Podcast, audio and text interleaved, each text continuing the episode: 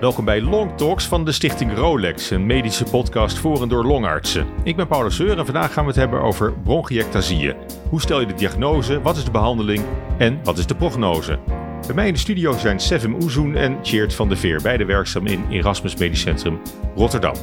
En ik eh, begin bij jou, uh, Sevim. Als uh, AIOS ben je op de poli een interessante casus tegengekomen die je graag wilt delen. vertel eens, wanneer maak je voor het eerst kennis met meneer C? Uh, ik heb meneer C voor het eerst vorig jaar uh, februari gezien, in 2021. Hij kwam toen uh, op mijn spreekuur als tweede mening vanuit een perifeer centrum. op zijn eigen verzoek. Um, is een meneer van 73 jaar en die had in 2012 een niet-transplantatie gekregen in verband met een hypertensieve nefropathie. Um, en hij was dus bij zijn eigen longarts bekend met bronchiectasieën waarvoor hij behandeld werd. Verder was hij ook nog bekend in zijn voorgeschiedenis met een toxoplasmose uveitis en heeft hij eens een keer in 2018 een pneumonie uh, gehad. Welke kant wist hij en wist ik ook niet. Uh, dat konden we niet zo goed meer terugvinden. Maar die meneer die vroeg om een uh, tweede mening, omdat hij naar zijn mening de afgelopen jaren toch best wel achteruit was gegaan in conditie en mm -hmm. veel, veel klachten had gekregen. Um, en zodoende kwam hij uh, bij mij terecht. En die niertransplantatie, is, is die daarvoor uh, relevant? Zeker, zeker. Um, de uh, bronchiectasieën die hij dus eigenlijk heeft, daarvan kan je dan bedenken, hè, niet, voor de niet-transplantatie heb je wel immuunsuppressieve medicatie nodig. Daarbij heb je een onderdrukking van onder andere je cellulaire immuniteit met de medicatie die je dan nodig hebt om afstoting tegen te gaan. Um, dus dat kan zeker een rol spelen in bijvoorbeeld de ontwikkeling van die bronchiectasieën. Mm. Uh, maar als we dan verder gaan uh, over deze casus straks doorgaan, dan zal je ook zien dat we ook wel iets meer, uh, iets meer speelt dan alleen maar de cellulaire afweer. Ja, hij, hij, heeft ook 25 jaar sigaren en pijp gerookt, ja, zag ik. Ja, ja, dat is altijd ja. wel iets wat elke longarts zou moeten navragen en wat ik ook had moeten vertellen. Uh, nee, deze meneer die had ook uh, 25 jaar lang uh, sigaren en pijp gerookt. Dat was wat moeilijk uh, als je het navraagt van ja, hoe vaak, hoeveel heb je dan gerookt? Ja, ja. een paar keer per dag of alleen bij sociale gelegenheden. Dat is moeilijk te kwantificeren. Mm. Maar het was wel een behoorlijke tijd. En uiteindelijk was hij dan wel gestopt een aantal jaar. Ehm, maar dat is ook zeker relevant om te vragen en te weten. Ja. En, en, welke therapie onderging hij al uh, op het moment dat... Uh, dat hij uh, had van zijn eigen longarts had hij inhalatiemedicatie gekregen. Een combinatie van een inhalatiecorticosteroïd en langwerkende luchtwegverwijders, een LABA. Um, en daarbij had hij ook een onderhoudsbehandeling met antibiotica, azithromycine in zijn geval.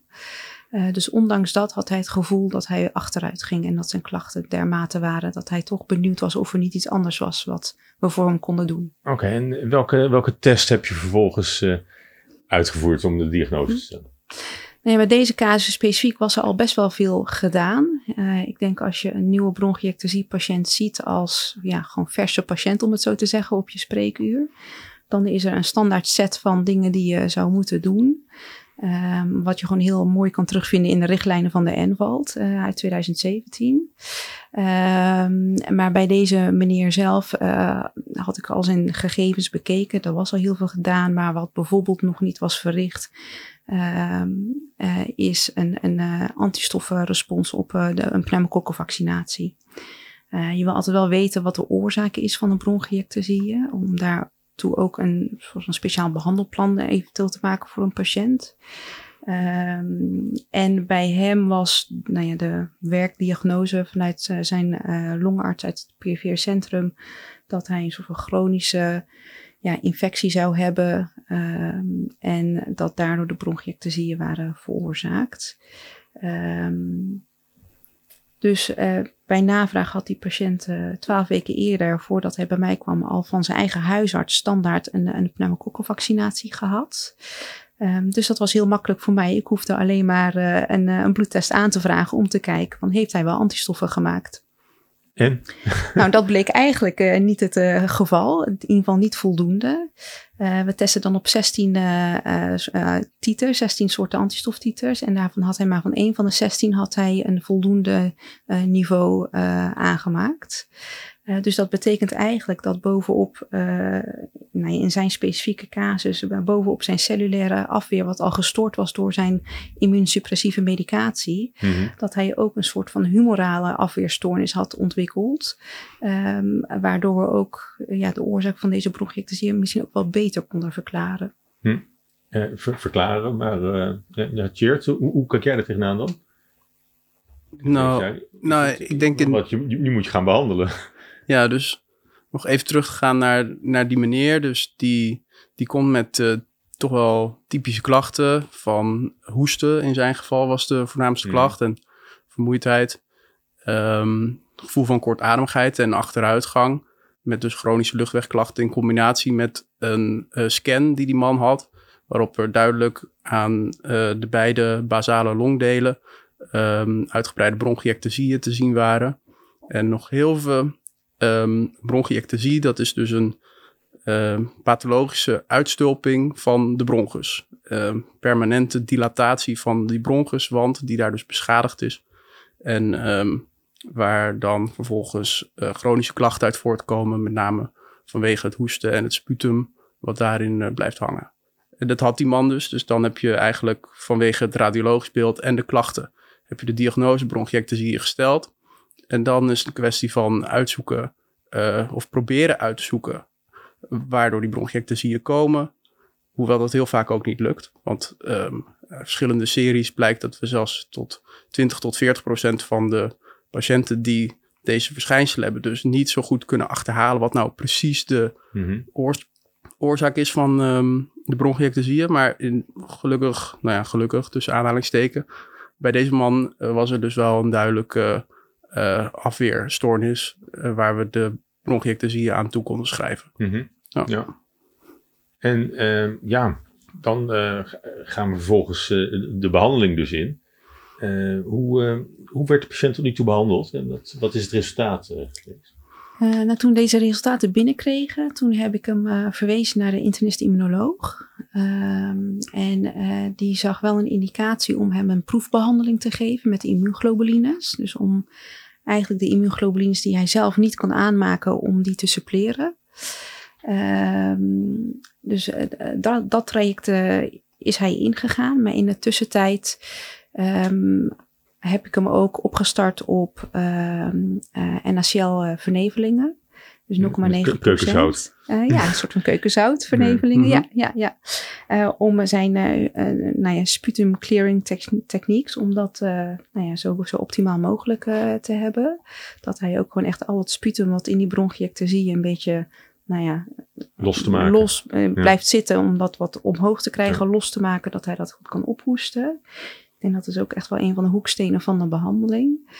Um, en uh, nou, daarbij had hij al zijn azitromycine en zijn inhalatiemedicatie. Ja, de inhalatiemedicatie, daar kan je best wel wat discussie over hebben. Met name zijn inhalatie corticosteroïden. Maar daar ga jij denk ik straks nog eens een keer op, mm -hmm. op terugkomen. Um, dat heb ik toch ook wel door laten gaan. En uh, ja, kweken, kweken, kweken. Om te, met hem te blijven monitoren. Om zijn sputum uh, in de gaten te houden. Wat voor beestjes er bijvoorbeeld allemaal uitkomen. Waar, waar je misschien ook gericht op kan behandelen. En, uh, dus het zijn allemaal uh, laboratoriumtestjes nog die, ja, uh, die ja, doet. Ja, ja. ja, ja. Dus dat sputum wordt helemaal uit, uitgeplozen. Ja, je zet, je zet het op kweek. Ja. En uh, je kan het op verschillende soorten bacteriën op kweek mm. zetten. Uh, je kijkt ook altijd naar bijvoorbeeld tuberculeuseachtige bacteriën of uh, ja. NTM's, niet mycobacteriële tuberculosebacteriën. Ja, want je, je zei net ook al, je had het al even over, over de richtlijn. Wat, wat schrijft de richtlijn voor? Als, als, is er een standaard behandeling voor, voor deze aandoening? Ja, nou, de, hoeksteen de hoeksteen van behandeling van bronchiectasieën is, is inderdaad zo goed mogelijk het sputum ophoesten. Uh, de oorzaak achterhalen en de oorzaak uh, van die bronchiectasieën dus behandelen.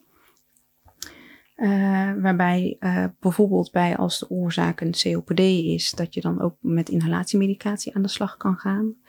Um, maar bijvoorbeeld ook bij meerdere opvlammingen van die bronchiectasieën, dus exacerbaties, mm-hmm. dat je dan ook verder gaat. dat je dan bijvoorbeeld onderhoudsantibiotica geeft. Nou, dat heeft deze man dus al vanuit het perifere centrum. Ehm, En hij had steeds die, Mhm. die luchtweginfecties die maar, eh, die maar bleven. Ja. Ja, die, die niet weggingen. Ja, nou om, om terug te komen op de eerste vraag van oké, waar bestaat dan die richtlijn eh, uit? Ik denk dat het belangrijk is om te beginnen vanuit eh beetje de ontstaansmechanismen van die bronchiectasieën. Het idee is dat er een soort visieuze cirkel ontstaat. Dus iemand heeft een, een chronische of een terugkerende infectie. ehm, ergens in zijn long of soms op meerdere plaatsen in de longen. Soms met ook steeds dezelfde bacterie. Die chronische infectie die veroorzaakt eh, sputum en ook eh, dysfunctie van de trilharen, die noemen we de cilia. En ehm, die ophoping van sputum en ontsteking die dan in dat longdeel plaatsvindt, die veroorzaakt eigenlijk nog een verdergaande eh, schade en verwijding van dat deel van de bronchuswand. En die richtlijn die is erop gebaseerd in eerste instantie om eh, de factoren van die visieuze cirkel in kaart te brengen. Om te zien waar je op aan kunt haken om die visieuze cirkel te onderbreken. En eh, dus dan zoeken we het. ehm, als je zegt van oké, we hebben één bacterie, dan moeten we kijken of we die bacterie kunnen eh, behandelen, bestrijden. Eh, als we zeggen er is sputumophoping, dan is het gericht op het eh, losmaken en het zo goed mogelijk ophoesten van eh, dat sputum. Als er dus een overvloed is aan ontsteking, dat is vaak door neutrofiele witte bloedcellen. Dat zijn ook nu therapieën in ontwikkeling om die gericht te remmen. En we hebben ook andere, dus Sevim noemde al even azitromycine, dat is een middel wat ook Mhm. werkt als een soort immuunmodulator. Dus waarmee je ook die inflammatie ja, vermindert. Ehm, ja, en dan eh, op die manier dus eigenlijk proberen dat zo goed mogelijk te Hmm. doen. Oh, en natuurlijk als laatste, als we dus een immuunstoornis in kaart brengen, dan met de immunoloog gaan praten om te proberen of die immuunstoornis kunnen eh, ja, eh, verbeteren door bijvoorbeeld in dit geval immuunglobulines te gaan eh, toedienen. Ja. En dan al met al eh, die patiënt op die manier te stabiliseren, te streven naar nou, zo goed mogelijk kwaliteit van leven, zo min mogelijk exacerbaties, dus zo min mogelijk weer nieuwe infecties waarvoor nieuwe antibiotica nodig zijn. Mhm. En eh, ja, de longfunctie en de inspanningstolerantie natuurlijk ook als belangrijke ja, uitkomsten van de behandeling. Ja. Maar de, de moeilijkheid was misschien wel dat hij, dat hij voor een deel al, eh, al behandeld werd. En, en dat dat eigenlijk eh, niet het gewenste effect had. Nee. Dat, dat hij geen weerstand opbouwde. Nee, eh, hij, dat was ook zijn voornaamste klacht. Hij hoestte veel en had een verminderde inspanningstolerantie. Ehm, ja, de- dus dan is het eh, aan ons om te kijken van waar kunnen we nog meer voor hem betekenen. En hem misschien wel eh, ja, wat beter krijgen zoals hij het zelf wenst. Ehm, ja, ik, ik, ik heb hem een hele tijd niet gezien. Ik zit nu even tijdelijk in een ander ziekenhuis. Maar ik heb wel even in zijn dossier teruggespit. En ehm, ik las dat hij nu zo'n vier maanden behandeld wordt met de immunoglobulines.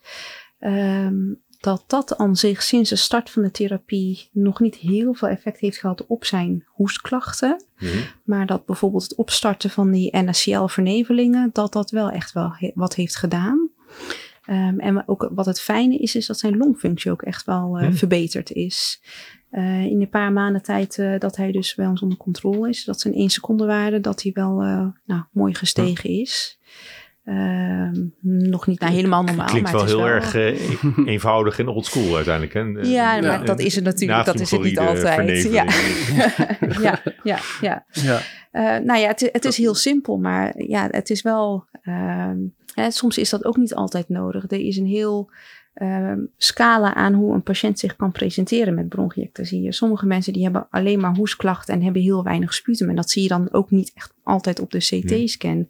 En andere patiënten die hebben ja, misschien niet heel veel bronchiectasie, maar die hebben echt een enorme bronchoreu. Dat ze echt het idee hebben van ik hoest bakken met sputum op. Ja. Dus de, de, de presentatie kan ook heel verschillend zijn van zo'n eh, van zo'n patiënt. Ja. Dus, eh, Dit is ook wel een moeilijkheid van het veld van bronchiectasieën, dat de prestatie kan sterk variëren, de klachten waarmee eh, die iemand heeft, ook het radiologisch beeld, kan sterk variëren, maar ook dus de onderliggende oorzaak die we vaststellen. En vandaar dat dat is ook een eh, wel obstakel voor ehm, het doen van grote, ehm, heldere studies met duidelijke eindpunten eh, dan zien we dat die gehinderd worden doordat het een heel uh, ja, heterogeen uh, groep is. En um, ja, sommige mensen die zijn inderdaad gebaat bij alleen wat vernevelen met NaCl.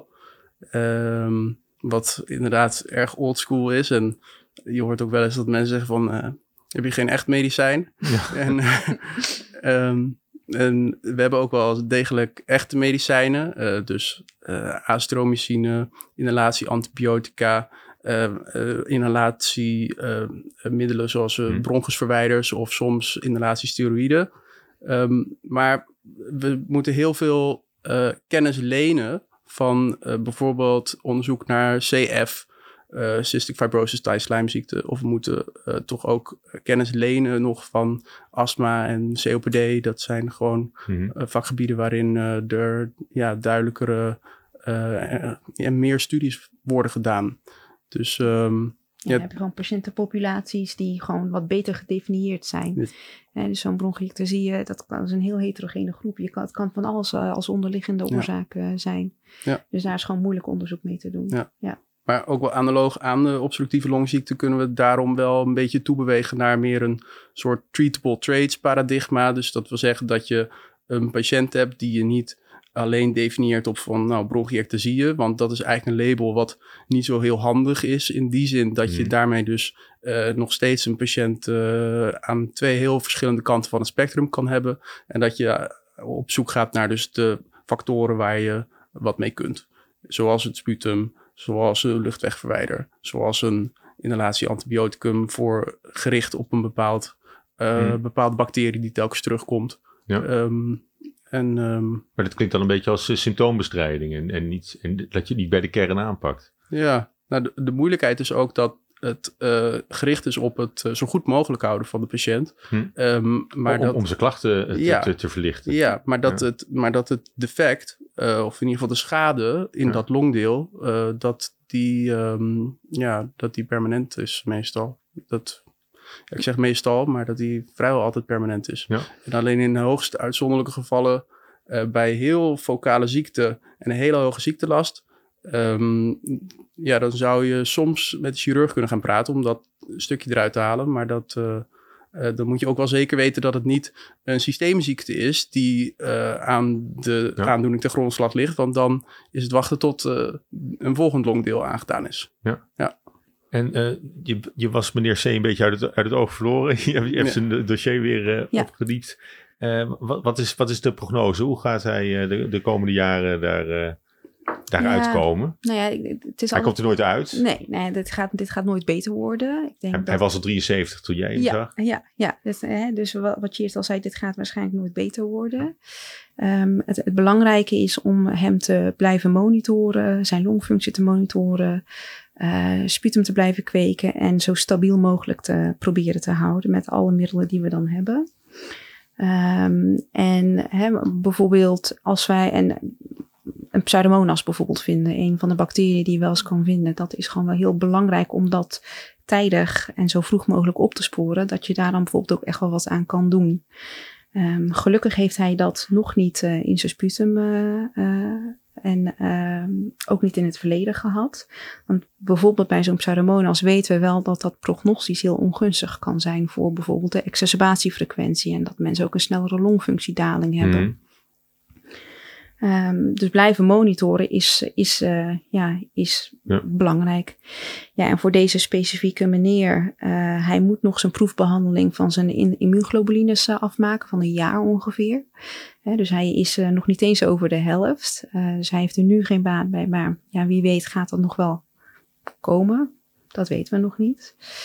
Um, maar het belangrijke is dat je ze standaard blijft monitoren volgens een set van onderzoeken uh, die van belang zijn voor deze patiënten. Dus een longfunctie en een sputumkweek. En eens in de zoveel tijd wel even hmm. beeldvorming kijken van waar staan we, hoe erg is het geworden, is het stabiel.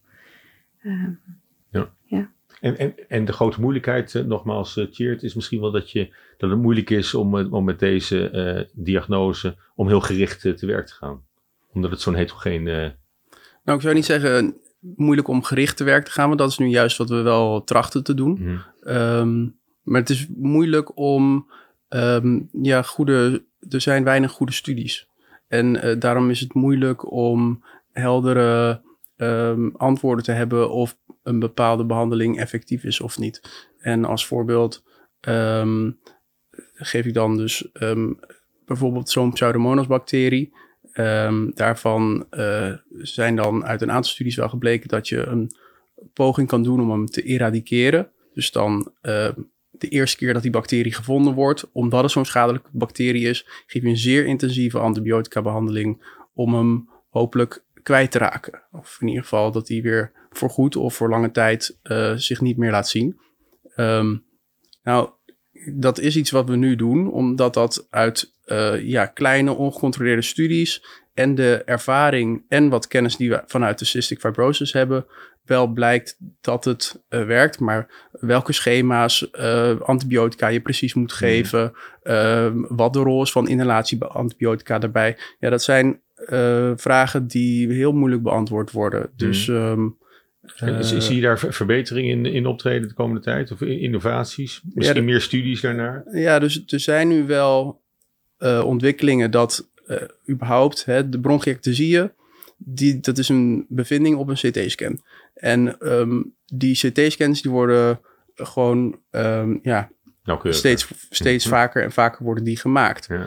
Um, die worden, ik vermoed in de toekomst ook steeds vaker bijvoorbeeld met algoritmes beoordeeld. En dan krijg je ook minder variëteit in of uh, hmm. die patiënt nou formeel wel of niet bronchiectasie heeft. Omdat het nu toch een beetje uh, ja, de radioloog is die dat dan ja, uh, moet beoordelen. En dat niet altijd met een ja, hoge betrouwbaarheid doet. Dus ik denk dat bronchiectasieën, een formele diagnose van bronchiectasieën, steeds vaker wel voor zal komen ook bij mensen die een andere aandoening hebben, zoals astma of COPD.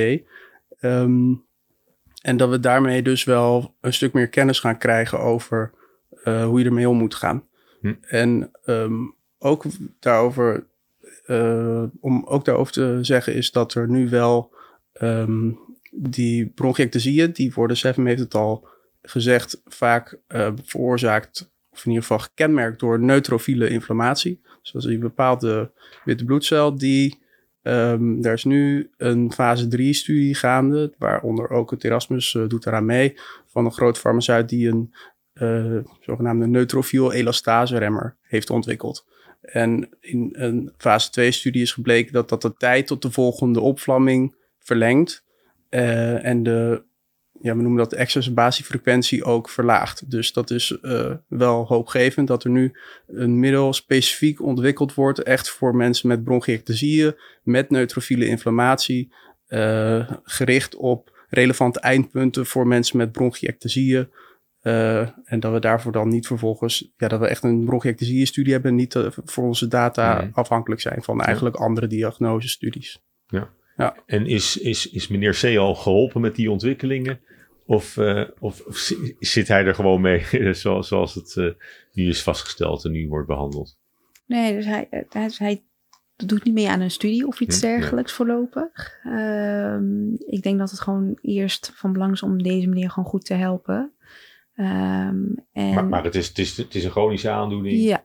En hij, ja, kwaliteit van leven is, is, is belangrijk. Ja. En, en dat kan je ja. op deze manier. En dat was zijn voornaamste klachten. Hè. Zijn kwaliteit van leven was gewoon niet goed genoeg. Dus mm -hmm. als hij nu, hè, zijn hoesten en de verminderde inspanningstolerantie. Als het hoesten al door het vernevelen minder ja. is en zijn longfunctie wat beter, dan hoop je ook dat hij wat meer inspanningstolerantie heeft. Dus ik hoop voor deze specifieke casus uh, uh, dat dat, uh, ja, dat zo'n traject hier bij ons ja, hem wel heeft geholpen. Um, ja, of hij aan deze studies, hè, bijvoorbeeld de Forza of, of uh, de andere studie van die neutrofiele stase, of hij daaraan mee kan doen, ja, dat, dat weet ik niet. Dat moet mm -hmm. ik even voor aankijken. Ja, deze man die gebruikt dus ook al een uh, ICS, toch? Ja. Een uh, combinatiepreparaat. We doen daar ook onderzoek naar om te weten of um, het wel of niet zinvol is om mensen met bronchiectasieën inhalatiecorticosteroïden voor te schrijven. Um, dit is iets wat heel veel wel gewoon gebeurt. Dus dat mensen die hebben chronische hoestklachten, die komen wel eens bij hun huisarts mm. of bij welke dokter dan ook, die krijgen gewoon een een puffer voorgeschreven. Van nou, kijk maar of het daarmee beter gaat.